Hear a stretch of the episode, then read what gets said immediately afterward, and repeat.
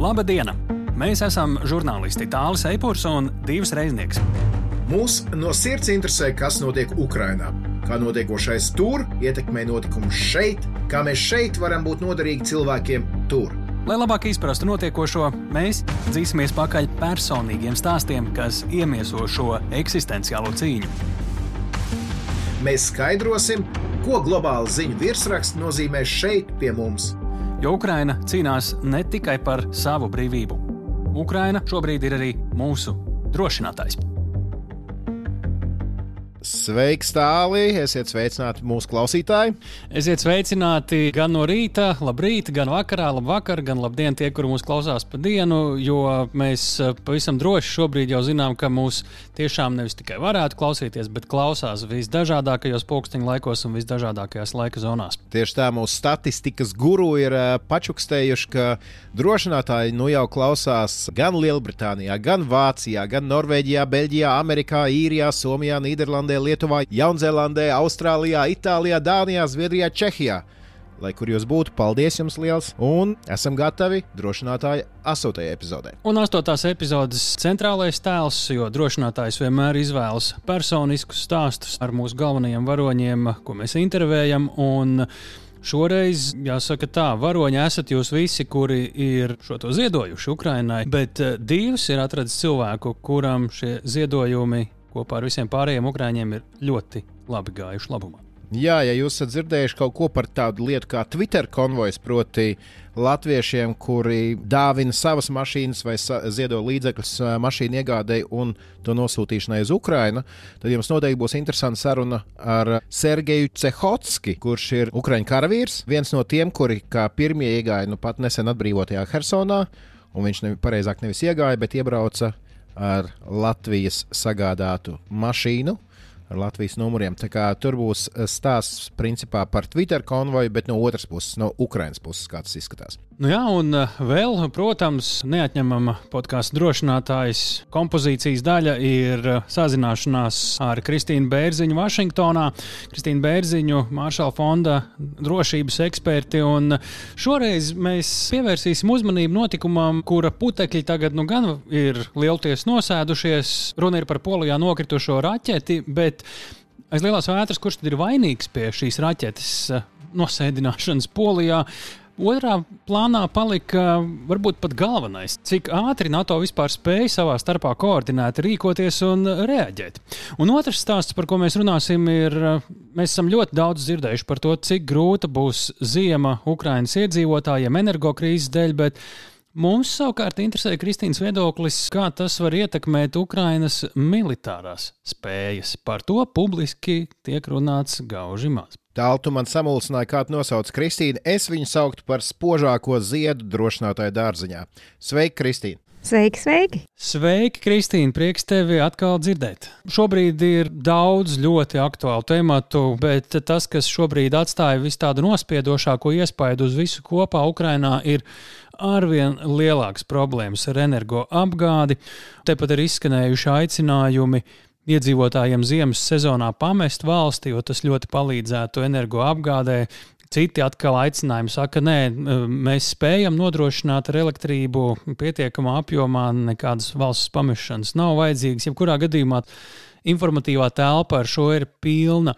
Bet jautājums, ko mēs šobrīd gribētu apspriest, ir, ka, nu, piemēram, pirms nedēļas mēs podkāstā drošinātājs dzirdējām sarunu ar elektriķi, kurš novērš bojājumus pēc Krievijas postījumiem Ukraiņas elektrotīklos. Un, uh, viņš sacīja, ka pats pirmais, kam viņi steidz palīgā, ir nevis tā, kā mēs varētu iedomāties, uh, piemēram, slimnīcas, nē, armija. Jo tas nozīmē pretgaisa aizsardzības sistēmu darbību un līdzīgus stāstus. Un šonadēļ viņa paša pārstāvētās energokompānijas DTEK šefs Maksims Timčenko bija tas, kas eh, vērs uzmanību uz to, kur tad Ukraiņas iedzīvotājiem labāk pavadīt šo ziemu Ukrainā vai ārpus tās. Un, bet tas, ko mēs gribam saprast, kā un vai šis deficīts var ietekmēt Ukraiņas spēju sekmīgi militāri aizsargāties, jo Nu, šautenis šauj bez elektrības, artērija it kā arī, bet tā pašā laikā armijas apgāde ar produktiem, pārtiku,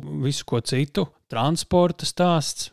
armijas atjaunošanās, sakari galu galā, kas mūsdienu kardarbībā ir ļoti svarīgi.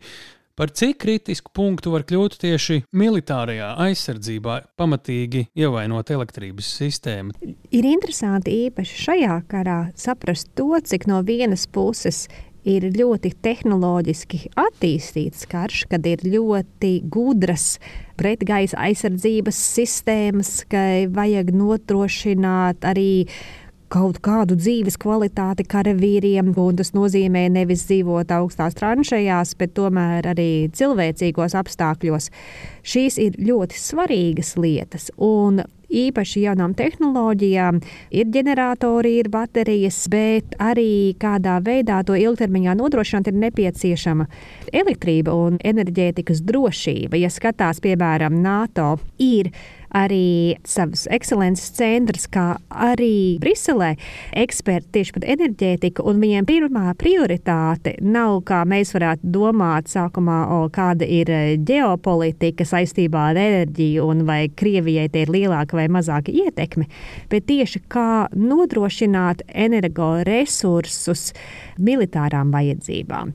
Tādēļ šī ir ārkārtīgi liela problēma. Piemēram, ja mēs skatāmies ASV, ASV ir uh, militārām tieši armijai un, un citām vienībām ir milzīga nepieciešamība nodrošināt gan bāzēs, gan arī militārās operācijās savus energoresursus. Tur, piemēram, ir liela interese tieši atjaunojamos resursos, jo tad nav jādomā par naftas pārvadu, piemēram.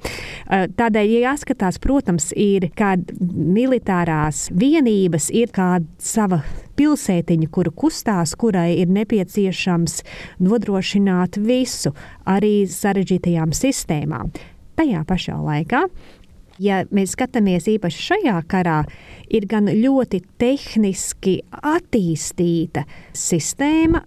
Un, ja tā pazūd, ja nav elektrības, vai, ja, piemēram, nav droši komunicēt, vai, ja notiek elektroniska kara darbība. Tas nav tas pats, kā izšaut ģeneratoru vai apakšstāciju, bet, piemēram, noklausīties vai nogriezt komunikāciju kanālus starp militārām vienībām ar visprimitīvākām metodēm. Un šajā karā unikāli parādās tas, ka Karavīriem un vadībai ir jāsaprot, kā kombinēt gan vissarežģītākās un tehnoloģiski attīstītākās sistēmas ar vecākām, primitīvām sistēmām, kā cilvēki savā starpā var komunicēt tad, kad nav nodrošinātas elektroniskās komunikācijas vai nu dēļ enerģijas un elektroapgādes trūkumiem vai arī dēļ elektroniskās kara darbības, kura noslēgtu komunikāciju iespējamību. Un šobrīd, kā izskatās, par cik kritisku punktu tas uh, var kļūt Ukraiņas militārajā aizsardzībā, ir skaidrs, ka mums, protams, ka nav visa informācija, kā viņiem tur reāli šobrīd uh, frontes līnijā un aizmugurē klājas, bet kādus fragmentus no informācijas mēs varam salasīt attiecībā uz tieši militārās aizsardzības ievainojamību caur šo energoinfrastruktūras krīzi? Nu, pirms nedēļas mēs runājām ar elektriķi, un arī tieši bija ziņās vairāk par to, cik ļoti lielā mērā tiek tagad spridzināta elektroinfrastruktūra. Skaidrs, ka tajā atvērtajā telpā runā tieši par civila infrastruktūras zaudējumiem un par tumsu un augstumu. Mazāk, protams, kara apstākļos var runāt par ietekmi tieši uz karavīriem vai militārām darbībām, bet tās ir cieši saistītas. Un, protams, ja ir bijuši ļoti lieli uzbrukumi elektroinfrastruktūrai, tad ietekme arī būs uh, militārajā telpā. Un te tad ir jautājums, kādā veidā ekonomēt civilajā infrastruktūrā, lai palīdzētu militārajā. Protams, tas ir dramatisks lūgums, piemēram, atstāt valsti, bet ja ir arī prioritāte uzvarēt militārajā frontē, Un jāskatās pēc šiem paziņojumiem, ka varētu varbūt būt sāsināta šī situācija. Jautājums ir, vai Krievija turpinās uzbrukumus pret elektroinfrastruktūru. Šobrīd neizskatās, ka tie varētu samazināties, bet arī cik ilgi Krievijai turpināsies būt iespējamība tādā līmenī spridzināt eh, Ukraiņas elektroinfrastruktūru. Vai tas varētu būt tāds asākais punkts? Tieši infrastruktūras uzbrukumiem, vai pēc laika labosies, cik ātri Krievija tagad spēs atjaunot savas raķetes un turpināt uzbrukumus, daudz nav zināms. Zināms ir tas, ka paliks augstāks laiks, kad civilai infrastruktūrai būs lielāki pieprasījumi no elektrības sistēmām, un ņemot vērā, ka lielākā augstumā vajag vairāk sarežot un vajag vairāk cilvēkus apgādāt, tad eh, vieglāk šo ziemu nepaliks. Diemžēl, jā. Nu, šobrīd mēs redzam, ka Ukrāņiem ļoti trūkst rezerves daļas, lai varētu ātri atjaunot tos postījumus. Un nu jau izskan tikpat aktīvi, kā palīdziet mums ar bruņojumu, palīdziet mums arī ar rezerves daļām. Ārvalstu partneriem tādi lūgumi tiek sūtīti, un šobrīd cīņa par energoresursiem ir izvirzījusies tajā pašā plānā, kur militārās cīņas. Bet par citu tematu runājot. Tematu, kuru mēs iepriekšējā epizodē nedaudz atlikām, jo valdīja vēl pamatīga migla un putekļi ap nokritušo raķeti Polijas teritorijā. Tad vēl izskanēja, ka tā varētu būt Krievijas raķete. Šobrīd paziņojumos ir pietiekami skaidri norādīts, ka tā ir kļūdījusies Ukraiņas raķete, bet vainīgi tāpat šajā visā stāstā ir Krievija. Ja nebūtu iebrukuma, tad nebūtu arī šādu raķešu. Ko mēs gribētu atkal saprast, ir tad, ja tiešām notiek reāls šāds stāsts agri vai vēlu, ļoti iespējams, kaut kas no Krievijas varētu atlidot. Tiešā vai pārnestā nozīmē, bet uh, var būt brīdis, kad tiešām to var klasificēt kā vai nu uzbrukumu, vai kaut ko ļoti līdzīgu kādai no dalību valstīm. Mēs paši esam Krievijas pierobežā. Cik ātri, ko NATO šoreiz parādīja, tas spēja adekvāti reaģēt, savstarpēji izrunāties dalību valstis, lai pēc iespējas ātrāk spētu likt ko pretī, tad, ja tas ir nepieciešams. 11. Septembrī 2001. gadā mēs redzējām, ka iebrukums Afganistānā sākās mazāk nekā pēc mēneša jau. Šobrīd, ko mēs redzam, cik reāli gatavs ir NATO aktīvi, militāri reaģēt, cik daudz mēs par to zinām un redzam.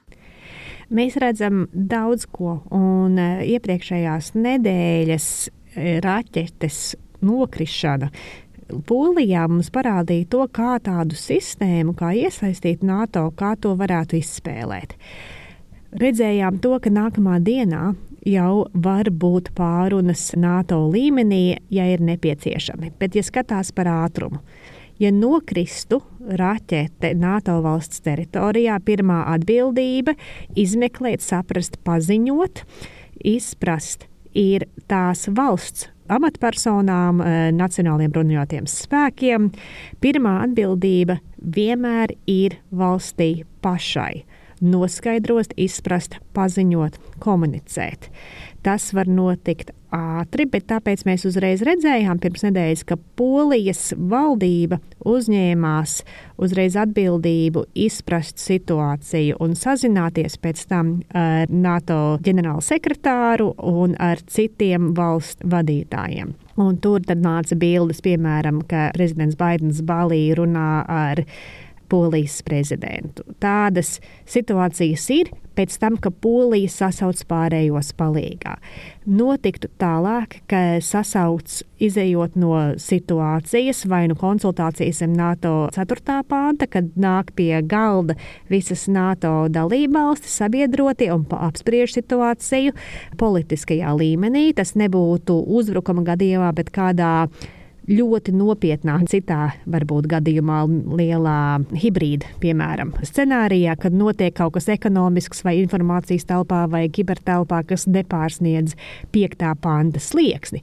Piektais pants NATO ir tas, kas pasaka, ja ir uzbrukums pret vienu valsti, ka to var uztvert uzbrukumu pret visām valstīm. Bet to piekto pantu viņš nav automātisks kaut kas valstī, kura bija dalība valsts, tai ir jāsasauc pārējās valsts un jāsaka, pie mums notika uzbrukums, kas ir 5. panta kompetencē.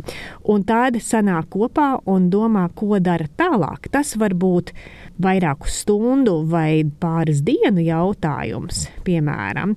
Bet pirmajās stundās, pirmajā dienā, saprotams, valstī pašai ir jāmēģina novērst un izprast situāciju. Tāpēc ir augstāki šobrīd aizsardzības budžeti visās NATO dalību valstīs. Latvijā arī ir jābūt spējām atraidīt no pašas pirmās dienas, no pirmās minūtes uzbrukumu, un tad var turpināties. Ir visās Baltijas valstīs, Polijā, šobrīd citu NATO dalību valstu kara spēka vienības, kuras kopā trenējās un arī iemācās, ko nozīmē aizsargāt Baltiju vai NATO austrumu flanku, un tādās visas vienības varētu tikt aktivizētas, lai reaģētu uz to situāciju, un spējas tiek tiešām notiek bieži Latvijā ievēro, notiek mācības gaisa telpā, ir grūti braukt pa Rīgas apvedceļu, jo atkal ir notiek kaut kādas kustības. To redz, tas nozīmē, ka Nacionālajie bruņoties spēki ar sabiedrotiem trenējās un būtu spējīgi ātri reaģēt, bet kompetencijai pirmām kārtām ir jābūt valstī. Tāpēc arī mēs vasarā redzējām, ka uz Latviju tika tika atsūtītas nasams pretgaisa aizsardzības sistēmas, kuras ir lielvārdē. Tas ir ārkārtīgi svarīgi, jo, ja nāk no gaisa raķete, to raķeti būtu vajadzīgs arī viņu uh, izšaut, tā lai viņa nenokrīt.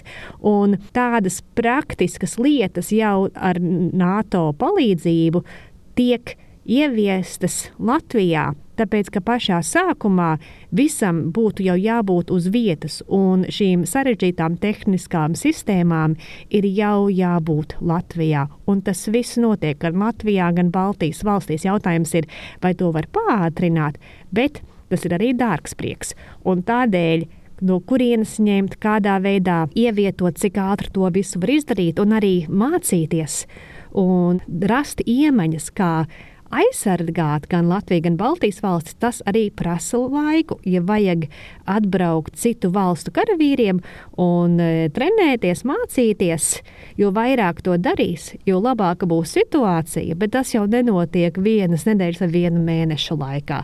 Kopš Krīmas viss notiek, bet turpināsies, uzlabosies, bet tur vajag gan ieguldījumus, gan laiku gan arī ļoti kompetentu Latvijas pusē vadību un spējas. Šo varētu vēl attīstīt virzienā, bet Polijas teritorijā lūk, ielidoja raķete. Kādu laiku pat nebija saprotams, no kurienes īsti no tas rada zināmas bažas. Tas rada bažas, bet tagad ir runa par to, ka patriotu sistēmas vairāk būs Polijā. Uz to reaģē, mēs mācāmies.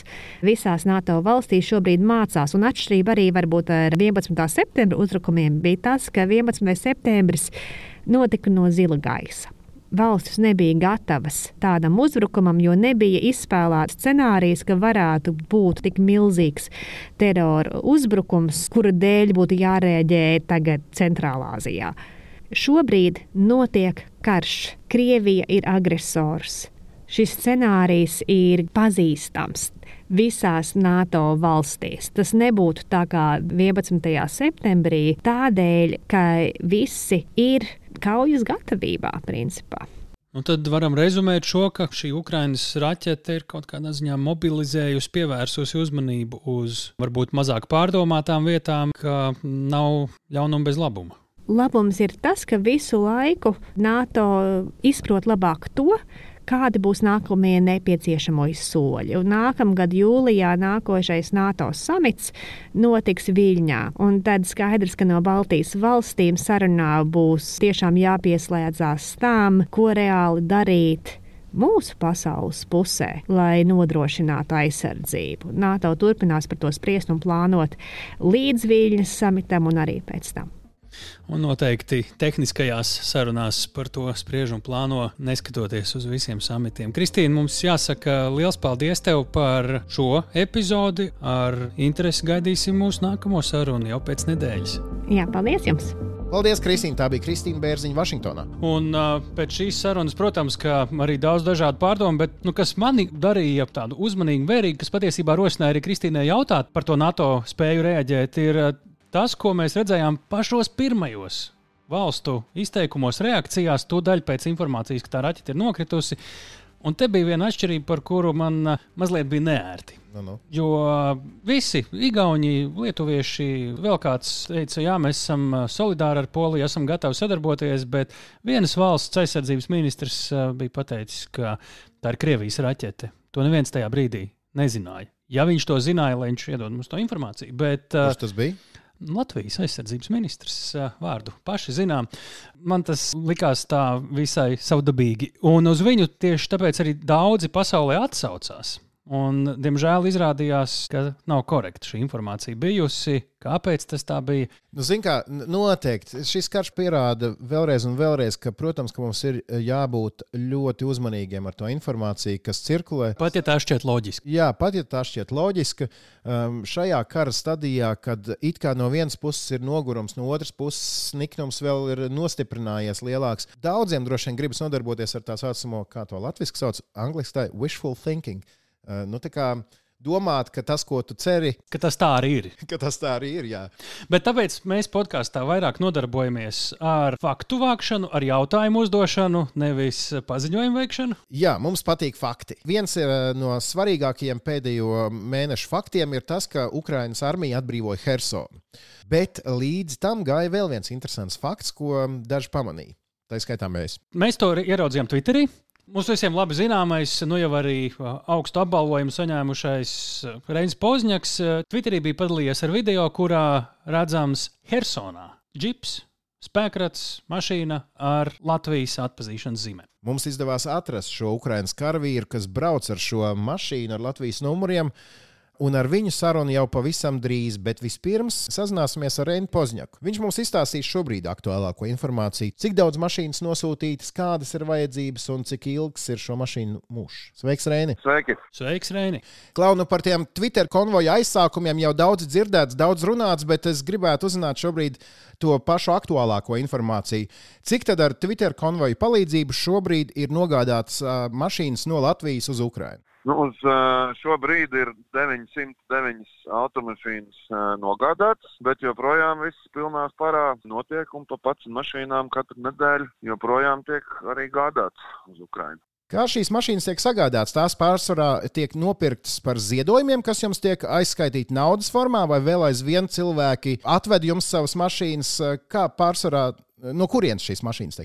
Nu, vēl aizvien, un patiesībā lielākā daļa ir tieši ziedotas mašīnas. Neliela daļa arī ir pirktas par ziedojumiem, bet jā, joprojām cilvēki ļoti daudz ziedo mašīnas. Man tāda sajūta, ka mums ir Latvijā sāk veidoties tradīcija, ka cilvēki nevis pārdod mašīnas, kad nolēma viņu mainīt, bet sūta uz Ukrajinu. Bet tās pirktās mašīnas, ko par ziedojumiem pērk, tā ir iespēja kaut kādā veidā piemēroties daudz elastīgāk Ukraiņu vajadzībām. Kas tur pārsvarā ir par ziedoto naudu? Ko jūs pērkat? Jums ir pērkam mēs tās automašīnas, kas ir tiešām vajadzīgas, nu, tā teikt, nulles līnijā. Kā saka, frontē tie ir pamatā pikapi un džipi, arī busiņi, pilnpiedziņas, tās tās mašīnas, kuras mēs pērkam. Bet, principā, pielietojums tur ir faktiski jebkurai automašīnai. Tāpēc mēs ar lielu prieku arī pieņemam tās ziedotās mašīnas, jo vajag uh, mašīnas visos kara posmos frontes posmos, un tas nebūtu nav tikai nulles posms, bet arī pirmais, otrais, trešais un ceturtais, jo ar, arī ar golfiņu var nogādāt munīciju no noliktavas līdz kaut kādam punktam, kur tad tālāk pārņem kāds jau, kas var iebraukt ar viņu arī mežā. Kāda ir tā pirkuma geogrāfija? Es sekoju tavam Twitter kontam un zinu, ka tu un kolēģi esat pirkuši mašīnas arī ārpus Latvijas robežām? Nu, tā ir šobrīd ar vien vairāk, un, un varētu teikt, ka pamatā ārpus robežām sevišķi, kas attiecas šiem pikapiem, jo tie Latvijā ir, ir praktiski. Jūs esat visus izķēruši, ja? Jā, nu tādi, kas, teiksim, ir atbilstoši saprātīgam budžetam un atbilstošam stāvoklim. Jā, tāpēc, nu, pamatā Norvēģija, Anglija ir tās divas vietas, kuras šobrīd ļoti, ļoti intensīvi arī notiek tā mašīna meklēšana. Tur arī ir daudz, daudz latviešu, kā zināms, šajās valstīs, kuri arī ļoti aktīvi palīdz viņus gan sagādāt, gan iegādāties, gan nogādāt. Ir dzirdēts, ka līdzīgas pilsoniskās iniciatīvas ir arī Igaunijā, šķiet, Polijā ir dzirdēts. Es nezinu, Leiša arī Varbūt nav tā, ka jūs, es nezinu, Norvēģijā pie viena pikapa satiekas Latvijas, Igauns un Polis, un uh, uz akmens čērs papīrītes tagad izlēma, kurš pirks šo mašīnu, lai arī gala mērķis ir viens Ukraiņas fronts līnija. Arī tā bieži sanāk, ka parādās laba mašīna, tad, tad nav daudz laika domāt, jo uz viņu ātri veidojas rinda, bet tas arī ir iemesls, kāpēc mēs principiāli nepiedalāmies nekāda veida izsolē. Lai gan viņas ir diezgan daudz, tāpēc, ka 99% tā izsola, kur ir ir veids, kā vienkārši pacelt cenu tieši tam pašam mērķim. Jo skaidrs, ka citi solītāji arī ir tādi, kas to mašīnu grib aizgādāt uz Ukrajinu.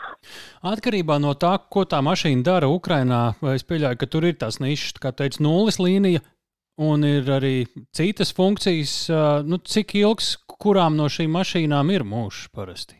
Lielā mērā tas atkarīgs protams, no veiksmes, bet viņš nav ilgs. Nu, tur, tur ir ir teiksim, pāris mēneši, ir tāds vidējais laiks. Nu, tas pats orķis, kas ir kara muzejā redzams, tas bija salīdzinoši pat ilgdzīvotājs. Tas bija no kara paša sākuma, kad pusgadu nodzīvojis arī tas patrols, kas ir tagad Hersonā, ar ko Sergejs brauc. Tas arī ļoti ilgi šobrīd dzīvo un cerams, ka dzīvos, bet principā viņi nav ilgs, tie ir nu, pāris mēneši. Un, un bieži vien ir tā, ka nu, kādai kara daļai ir beidzot sagādāts pietiekams skaits mašīnu un viss priecīgi, un tad atlido viens artilērijas lādiņš un, un atkal nav vairs nevienas mašīnas. Tā kā nav ilgi. Cik daudz ziņu ir arī par cilvēkiem, kuriem Twitter konvoja mašīna ir bijusi pēdējā vieta, kur viņi ir dzīvojuši? Nu, ir bijuši, protams, arī tādi gadījumi. Nu, ir nu, jā, nu, neizbēgami. Tas ir karš, un cilvēki iet bojā katru dienu. Gadās, kad jā, iet bojā arī, arī mašīnā vai uzbrauc uz mīnām. Tas ir droši vien biežākais iemesls - mīnas. Nu, un šeit tad arī jā, trāpa artērijas apšaudē un no kuras neizdodas izmukt. Bet ļoti daudz cilvēku arī ir izglābušas mūsu mašīnas. Par to mēs arī saņemam diezgan regulāri pateicības par to, jā, ka puiši ir atkal tikuši apšaudē un pateicoties mašīnai ir izdevies no viņas tikt ārā sveikiem un veseliem. Nu, par to mēs tieši tulīt arī runāsim ar Sergeju Cehotski, kurš ir Ukrainā un ir viens no Twitter konvoja mašīnas saņēmējiem. Viņam būs daudz labu vārdu, ko teikt par savu Nissan patrolu. Viņš ir laikam tas veiksmīgais gadījums. Viņš teica, viņam šis Nissans jau esot apmēram no maija. Tas laikam ir tāds izņēmums, nevis norma. Tas ir drīzāk izņēmums, jā, ka mašīnas tik ilgi kalpo un par to prieks. Eh, ņemot vērā, ka caur, caur tavām un kolēģu rokām ir izgājušas jau, kā teicu, vairāk kā 900 mašīnas, vai kaut ko atceries varbūt par to konkrēto Nissan, par kuru mēs runāsim ar Sergeju? Ja godīgi viņu atceros, tāpēc, ka mums tāda patrola vispār nav bijusi daudz. Un, es viņu atceros vispār kā godīgi to izcelsmi. Galīgi precīzi neatceros, manuprāt, viņš ir pirkts.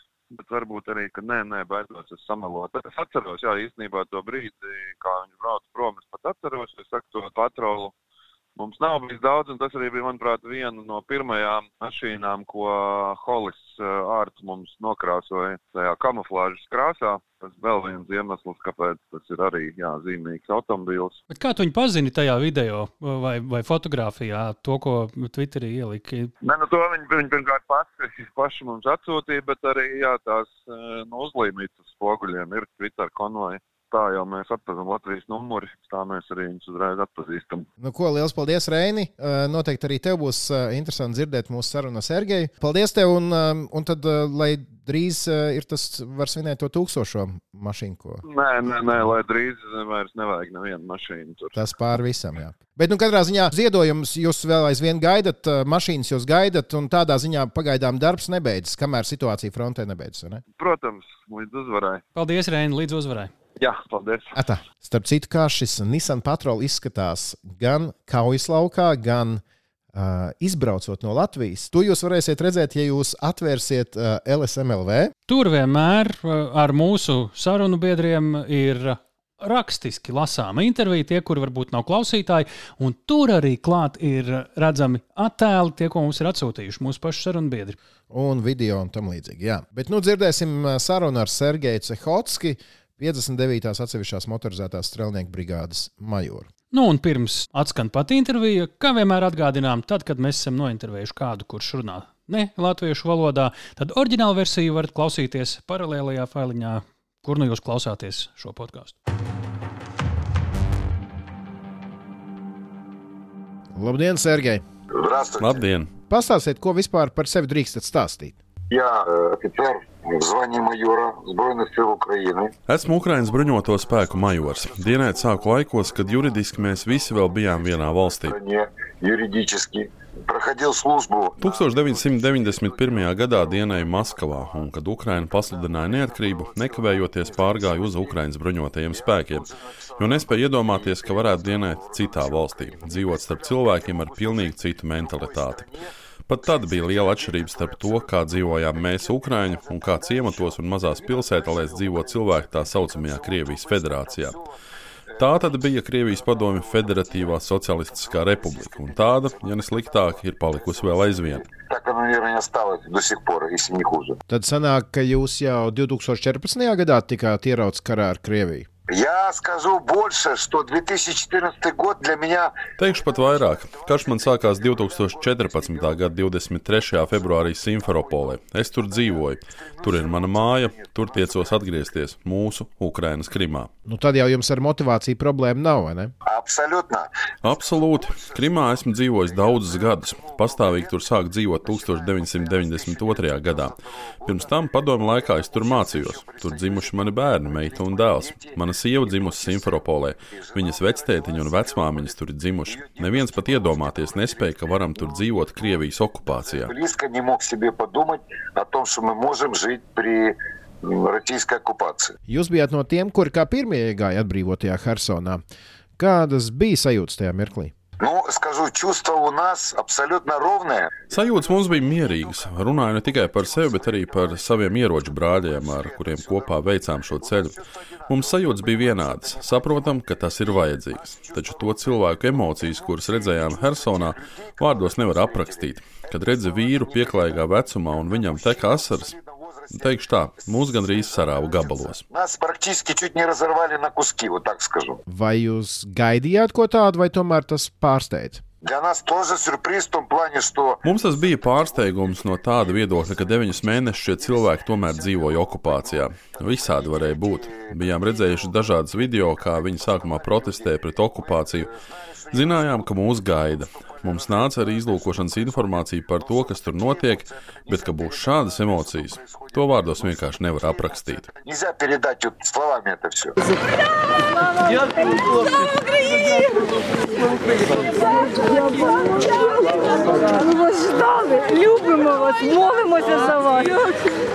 Ko šāda sagaidīšana nozīmē karavīram, kurš pēdējos deviņus mēnešus bijis frontē.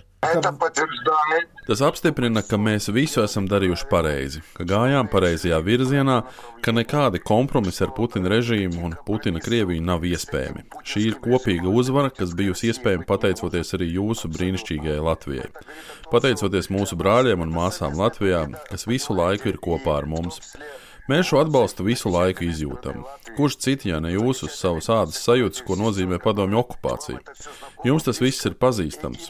Mēs uz šo brīdi gājām 300 gadus. Tikai tagad beidzot sākusies Ukrainas kā valsts atzimšana. как возрождение Украины как государства. Vai var teikt, ka kopā ar jums kaut kādā ziņā Hersonā iegāja arī Latvija? Я вам скажу больше. Я въехал на автомобиле, Teikšu pat vairāk, es braucu automašīnā, kur mums piešķīra Latvijas uzņēmums. Tā ir mašīna Nissan Patrol, kas jau reiz mums glābus dzīvību. Uz tās virsū ir dāvinātāja logo, ko esam saglabājuši. Cerams, ka ar šo pašu mašīnu mums pēc tam izdosies aizbraukt arī uz Latviju. Mēs zinām, ka sūtām mašīnas Ukrainai, bet kā tas izskatās no jūsu puses? Ukrainai der tas, ko saņemat? Любая помощь, которая оказывается, да, она очень, очень существенная. Jebkura palīdzība, ko saņemam, ir ļoti būtiska. Runāšu atklāti, jo starp mums nevajag palikt nekam nepateiktam. Jā, ir mašīnas, kas iepriekš izmantotas sarežģītos apstākļos, kaut kādās trasēs, medībās.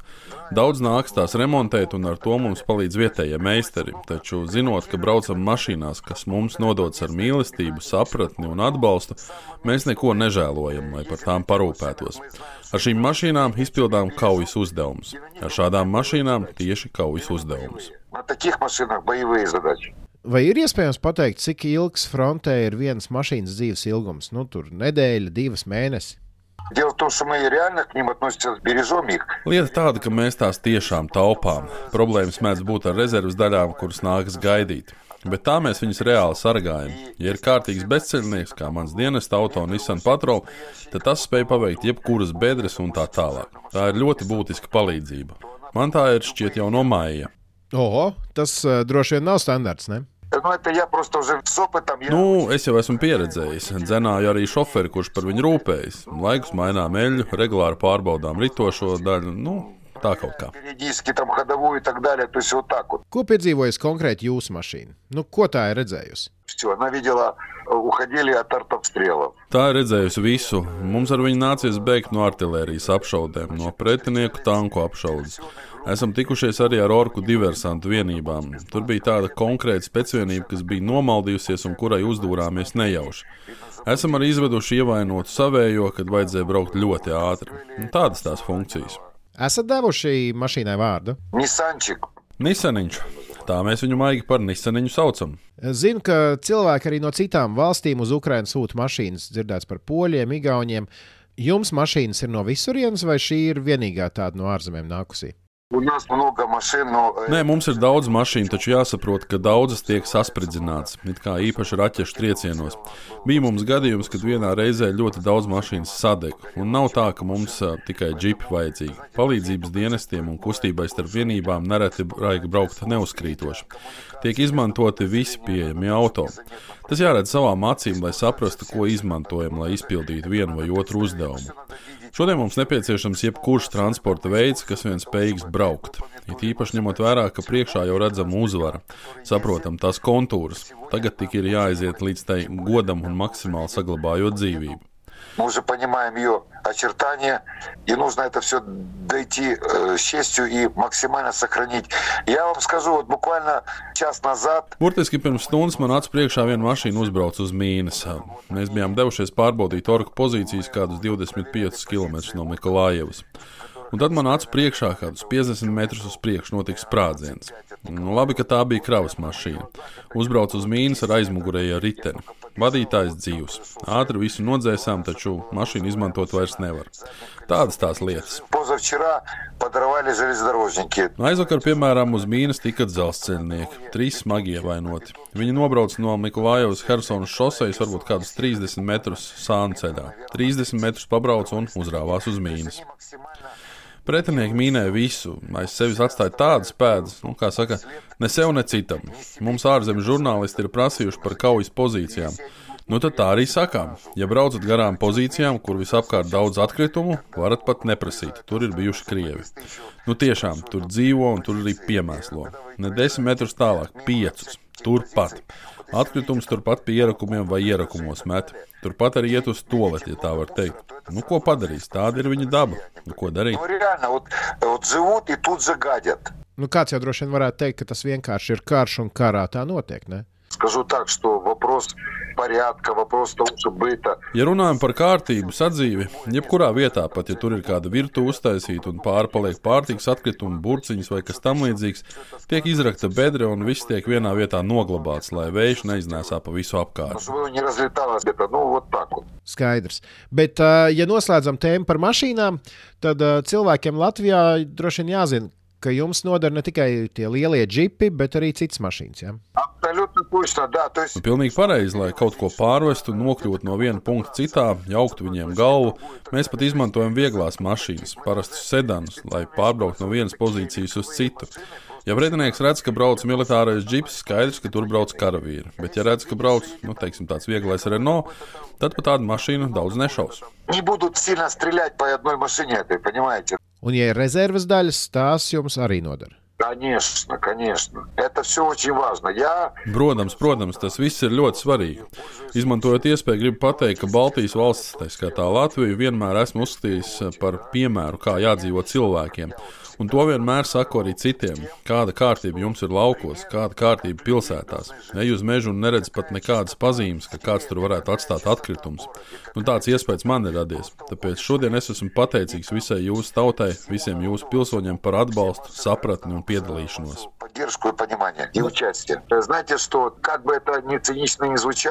Lai cik cīniski tas neizklausīties, šī pretošanās ir apvienojusi visus labos cilvēkus.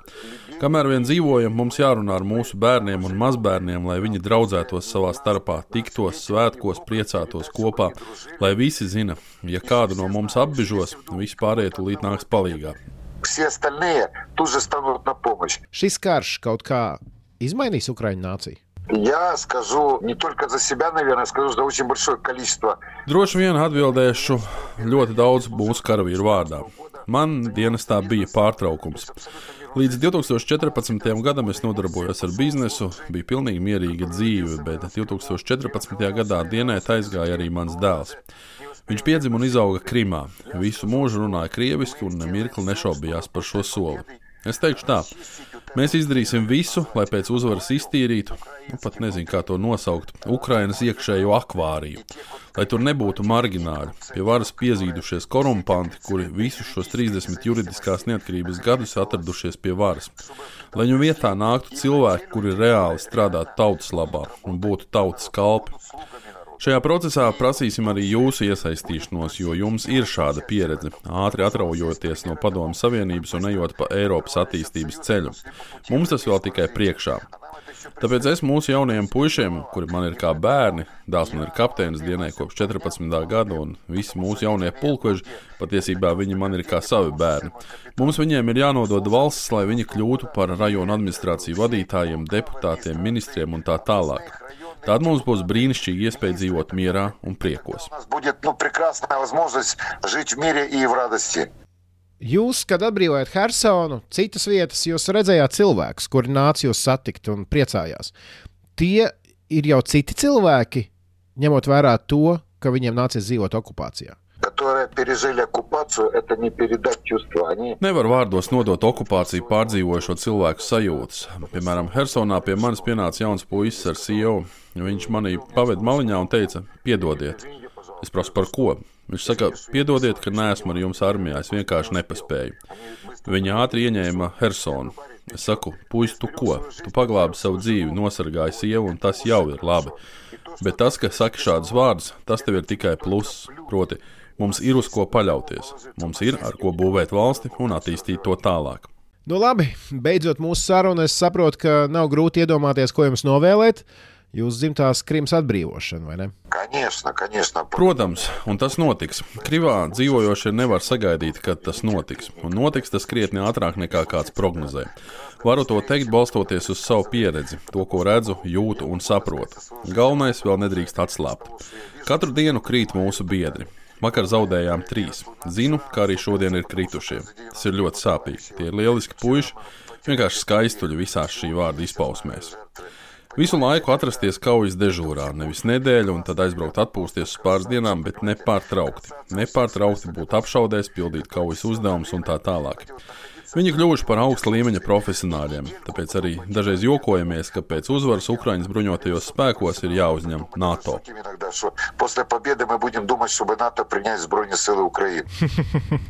Un mēs ar jums! Es zinu, noteikti. Puiši, es gribu jūsu studijai un visiem klausītājiem pateikt, ka mums Ukraiņiem nepatīk karot. Mums patīk strādāt, kārtīgi atpūsties, garšīgi paēst, uzņemt ciemiņus, braukt ciemos. Tas mums patīk. Bet tie orki šķērsoja sarkano līniju, un mums nācās atbildēt. Domāju, agrāk vai vēlāk, bet tam bija jānotiek. Citādāk to nevarētu atrisināt. Viņiem visu laiku ir dusmas par to, ka kāds dzīvo labāk, ka citiem ir karstais ūdens un apsildāmās grīdas. Nu, tādi viņi ir, tur neko nevar padarīt. Tādi ir mūsu kaimiņi. Nāksies viņus gadu simtiņiem ilgi pāraudzināt. Будем их столетиями перевоспитывать потом. Labi, liels paldies, Sergei. Uh, Pienāks laiks, kad Ukrāņi atkal noteikti varēs priecāties, atpūsties un darīt visu pārējo, kas jums patīk. Galvenais ir saglabāt dzīvību. А пользуясь случаем, Izmantojot situāciju, es jūs un jūsu kolēģis jau laicīgi uzaicinu uz atbrīvoto Jaltu, Krimā, uz Krastmalu, kur svinēsim mūsu uzvaru. Būs liels galds, kuru rezervēja jau 2014. gadā. у нас будет большой стол. Я это место запатентовал еще в 2014 году. Viss skaidrs, ielūgums pieņemts. Следите за событиями. Sekojiet līdz notikumiem, domāju, jūs atradīsiet veidu, kā atbraukt. Mēs jūs sagaidīsim, visu nokārtosim, un viss būs augstākajā līmenī. Labi, liels paldies, Sergei. Slāva Ukrainai! Героям слава! Слава Латвии! Varoņiem slava un slava Latvijai!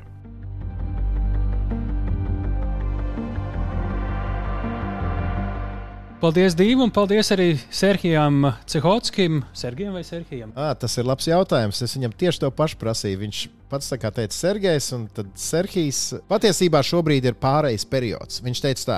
Krieviski Sergejs, Ukrāņiski Serhijs. Es pats runāju krieviski, viņš ir oriģināli. Un, un tad, kad es starp citu viņam zvanīju, pirmais jautājums bija, nu, kādā valodā mēs runāsim. Es saku, nu, man ukrāņu valoda nav tik laba. Es nezinu, cik labi ir jūsu latviešu valoda. Viņš teica, nē, runāsim krieviski. Krievu valoda nepieder tikai Krievijai. Jā, ideāli. Svarīgākais jautājums. Uz Jaltu brauksim? Es tur gribu atgriezties. Es esi esmu bijis? bijis un uh, gribu vēl, un gribu tieši uz to, uz ko uzaicināja Sergejs. Kāda bija Jalta? Kad tu biji Jaltā? Es biju 2000. gada pašā sākumā, un uh, toreiz par Krimu bija iespējas. Tā ir uh, ļoti, ļoti krieviska pusēla, ļoti daudz atpūtnieku no tieši Krievijas. Uh, vietējie, tāpat kā pie mums jūrmalā, tu nezini, vai viņi vispār eksistē. Es gribētu atgriezties Ukrainas Jaltā. Nu, tas ir tas, par ko šobrīd cīnās Sergejs. Starp citu, šajā sarunā man vienā brīdī gan parādījās smīniņš pie sevis, tā iekšējais. Tad, kad Sergejs stāstīja par to, ka Latvijā nevienā mežā neviens nemēslo, tur es pieņemu, ka daži mūsu klausītāji varētu paraugt acis. Nu, atliek tikai padomāt, par kādiem mežiem Sergejs runāja par tiem, kuri nav Latvijā, ja reiz mūsu meži ir ļoti tīri. Nu, jā, viss ir droši vien atkarīgs no konteksta. Nu, jā, tas arī šajā astotajā drošinātāja epizodē viss. Ceram, ka jums palika kas atmiņā. Ja jums ir kādi jautājumi, viedokļi vai komentāri, rakstiet mums drošinātājs at Latvijas Rādio LV.